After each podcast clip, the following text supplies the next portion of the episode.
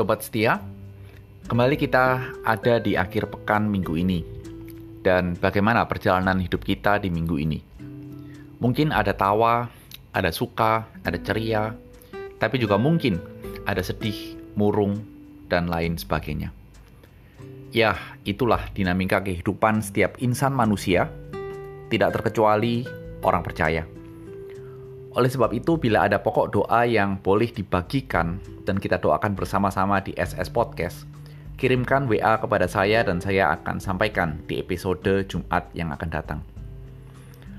Hari ini, saya akan menyampaikan sebuah perenungan dari Lukas 18 ayat 35 sampai dengan 43 dengan tema Tekunlah Berdoa. Satu renungan yang Kamis malam kemarin saya sampaikan di Persekutuan Doa Christ Chapel Karawaci dan saya rasa akan saya bagikan untuk menjadi berkat bagi kita semua. Selamat mendengarkan dan Tuhan memberkati.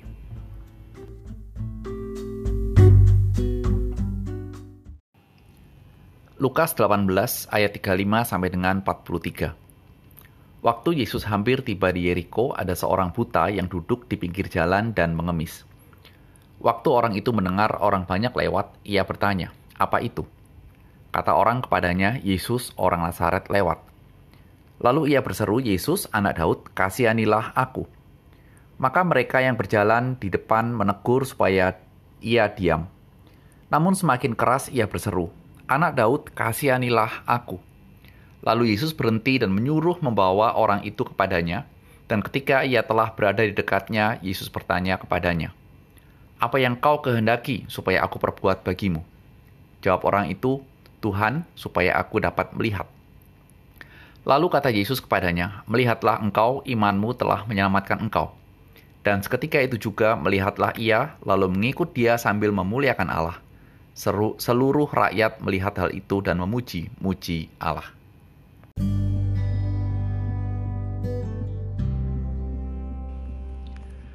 Mari kita berdoa. Tuhan Yesus, sekali lagi ajar kami untuk berjalan dalam hidup firman Tuhan, khususnya dalam kehidupan doa kami. Berkati kami dengan firman-Mu, demi Kristus. Amin. Sobat setia, bila saat ini kita ditanya bagaimana kehidupan doa kita, apa yang menjadi sebuah respon kita? Mungkin kita akan menjawab dengan sebuah jawaban ya biasa saja, sebuah jawaban khas zaman now. Mungkin ada juga yang mengatakan kehidupan doaku ya kadang-kadang ngegas, kadang-kadang ngerem. Ya begitulah. Atau mungkin ada yang ngerasa bahwa kehidupan doa kita kering. Karena memang setiap kali berdoa seringnya tidak dijawab. Dan doa atau tidak doa ya rasanya hidup sama saja. Well, mungkin itu secuil gambaran dinamika atau variasi kehidupan doa umat Tuhan. Sehingga mari kita bertanya, bagaimana sih seharusnya kehidupan doa kita? Maka Lukas memberikan pelajaran bagi kita di dalam nats yang kita baca. Lukas 18 ayat 35 sampai dengan 43 merupakan suatu kisah yang menutup pasal 18. Pasal 18 dibuka oleh Lukas dengan cerita seorang hakim yang tidak takut akan Tuhan. Atau di bagian ayat lain disebutnya sebagai hakim yang lalim. Dan dalam cerita itu juga diceritakan ada seorang janda yang terus-menerus menemui hakim untuk meminta sebuah keadilan, meminta haknya. Janda itu tidak pernah lelah, tidak pernah menyerah, dan itulah yang dilakukan di awal pasal 18. Dan di ayat 35 sampai dengan 43, sekarang Lukas memberikan sebuah gambaran yang kontras bahwa yang ditampilkan bukan lagi hakim yang lalim, tetapi Allah yang berinkarnasi dalam Kristus yang penuh belas kasihan itu hadir dalam cerita ini. Dan diawali dengan kisah bahwa ada seorang yang buta, duduk di pinggir jalan, tempatnya sangat jelas sekali di pinggir jalan, dan mengemis. Suatu pekerjaan yang bisa dikatakan kira-kira ya hanya itu yang bisa dilakukan oleh orang buta waktu orang buta itu bernama, uh, waktu orang buta itu dari Markus kita tahu namanya Bartimius mendengar suara begitu ramainya banyak orang berbondong-bondong kayak arak-arakan seperti itu karena saat itu Tuhan sedang berjalan memasuki Yeriko dan ada orang banyak bersama dengan Tuhan Yesus, orang buta itu bertanya, Bartimius itu bertanya, apa ini? Kok sangat ramai? Dan orang yang mendengar pertanyaan Bartimius mengatakan, Yesus orang Nazaret lewat. Spontan Bartimius berseru, Yesus anak Daud, kasihanilah aku. Seruan Bartimius ini menyebut Yesus sebagai anak Daud menunjukkan pengakuan imannya bahwa Yesus adalah Mesias, penyelamat umat manusia, juru selamat yang telah dinantikan oleh banyak orang, khususnya orang Yahudi. Suatu proklamasi tentang Injil dari seorang yang bernama Bartimius, dan sebutan ini hanya muncul di Injil Lukas di dalam bagian ini. Menarik bukan? Ini menjadi satu poin yang penting dalam kita belajar Injil Lukas. Namun, seruan dari Bartimius justru menghadirkan suatu reaksi dari orang-orang banyak itu menegur. Bisa bisa diterjemahkan menghardik, tentunya dengan suara keras. Supaya apa? Bartimius diam. Bartimius yang saat itu ada di belakang. Orang-orang banyak itu ada di depan, dia di belakang. Dia justru kemudian menyerukan. Menyerukan kembali bahwa sebuah seruan yang lebih keras yaitu Yesus anak Daud kasihanilah aku. Sobat setia yang dikasih Tuhan,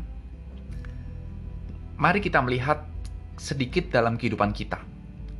Dalam kehidupan kita, bukankah sering kali kita juga melewati begitu banyak kesulitan seperti Bartimius? Betul, kita tidak buta, tapi ada begitu banyak beban dalam kehidupan yang harus kita tanggung, harus kita hadapi sebagai anak Tuhan tidak ada pengecualian. Anak Tuhan pun punya pergumulan, punya beban hidup. Dan sebagai anak Tuhan, kita tahu, kita sadar bahwa satu-satunya jalan keluar, bertahan dan melewati beban kehidupan ini tidak lain dan tidak bukan adalah meminta pertolongan kepada Tuhan. Tanpa pertolongan Tuhan, kita hanyalah seperti butiran debu yang tidak mampu bertahan dalam dunia yang berdosa yang penuh dengan berbagai macam problema dan kejahatan. Tapi ketika kita berseru kepada Tuhan, kita juga sering kali berhadapan dengan begitu banyak halangan dan rintangan. Halangan dan rintangan itu bisa datang dari sesama anak Tuhan yang mengatakan, yang mungkin tahu dan melihat kehidupan doa kita dan mengatakan percuma berseru kepada Tuhan. Karena apa? Doaku sendiri saja tidak dijawab, apalagi doamu. Aku sudah berdoa sekian tahun, kamu baru berdoa seminggu, sebulan, Aku sudah menjadi anak Tuhan yang taat, tapi doaku tidak dijawab. Apalagi kamu yang hidupmu tidak karuan. Mana mau Tuhan menjawab? Siapa yang sering, yang pernah mendengar kalimat-kalimat seperti itu? Melelahkan bukan? Mendiscourage bukan? Melemahkan? Dan tantangan lain adalah begitu banyak orang yang mengatakan kalau mau lepas dari beban hidup, kamu mesti kaya, miliki uang. Maka beban hidupmu akan lenyap dan akan datang sukacita. Dan hal ini membuat kita bingung, membuat kita mungkin hilang harapan. Doa nggak dijawab, orang bilang harapannya ke uang bukan ke Tuhan, dan lain sebagainya. Itulah yang sering kali membungkam kita, menghardik kita, untuk kita tidak berseru kepada Tuhan. Namun lihat, tidak dengan Bartimius.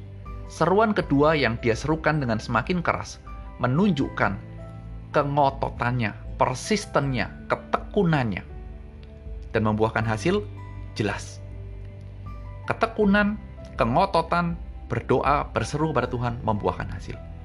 Seruan yang kedua menghasilkan suatu respon dari Tuhan. Tuhan berhenti dan memanggil Bartimius. Tuhan dengar dan mempedulikan Bartimius yang buta itu. Orang banyak dan suara yang ramai saat itu terdengar, seketika menjadi sunyi. Semua fokus kepada reaksi Tuhan, melihat bagaimana reaksi Tuhan terhadap teriakan Bartimius. Lalu Tuhan memanggil Bartimius untuk datang kepadanya. Tuhan lalu bertanya, apa yang kau kehendaki? Suatu pertanyaan yang bisa kita lihat rasanya nggak perlu deh Tuhan tanya seperti itu. Karena pasti orang buta ingin melihat. Namun itu pertanyaan yang ditanyakan oleh Tuhan dan Bartimius harus menjawab. Apakah benar ia ingin melihat seperti yang dia kehendaki atau dia menginginkan hal lain. Bisa jadi Bartimius menjawab, aku ingin pekerjaan, aku ingin kekayaan. Karena apa? Pekerjaannya selama ini mengemis. Mengemis itu dapat uang berapa sih? Kira-kira begitu. Tapi pengakuan Bartimius bahwa Yesus adalah Mesias membawa dia tetap untuk meminta hal yang primer, melihat dan bukan yang lain. Setelah mata imannya melihat Yesus adalah Mesias, dia ingin benar-benar melihat secara fisik untuk melihat Mesias dan tidak ada yang lebih penting dalam kehidupan ini daripada kita bisa melihat Mesias. Permohonannya dikabulkan oleh Tuhan Yesus. Dan akhir cerita ini dikatakan dia mengikut Tuhan. Sobat setia belajar dari cerita ini. Ketekunan dari janda di awal pasal 18. Ketekunan dari Bartimius dan bukan memaksa Tuhan Yesus menghasilkan sebuah hasil di mana Tuhan berhenti dan Tuhan menolong kita. Bukankah ini sebenarnya yang kita harapkan? Di tengah-tengah jalannya roda kehidupan yang begitu cepat, yang begitu bising, bukankah kita kadang kala, sering kali kita memohon, Tuhan stop, Tuhan berhenti, dengar seruanku, perhatikan aku, bertanyalah kepadaku, supaya aku bisa menjawab. Bukankah itu yang kita pikirkan, yang kita inginkan? Sobat setia, hari ini kita belajar untuk bertekun di dalam doa.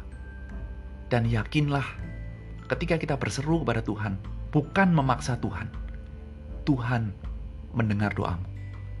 Dan yakinlah Tuhan pun akan bertanya, seperti Tuhan bertanya kepada Partimius, apa yang engkau kehendaki? Dan apa yang menjadi jawaban jawabanmu? Jangan lelah berdoa, meski banyak tantangan dan godaan, dan yakinlah Tuhan mendengar dan memperhatikan kehidupanmu. Selamat akhir pekan, Tuhan memberkati.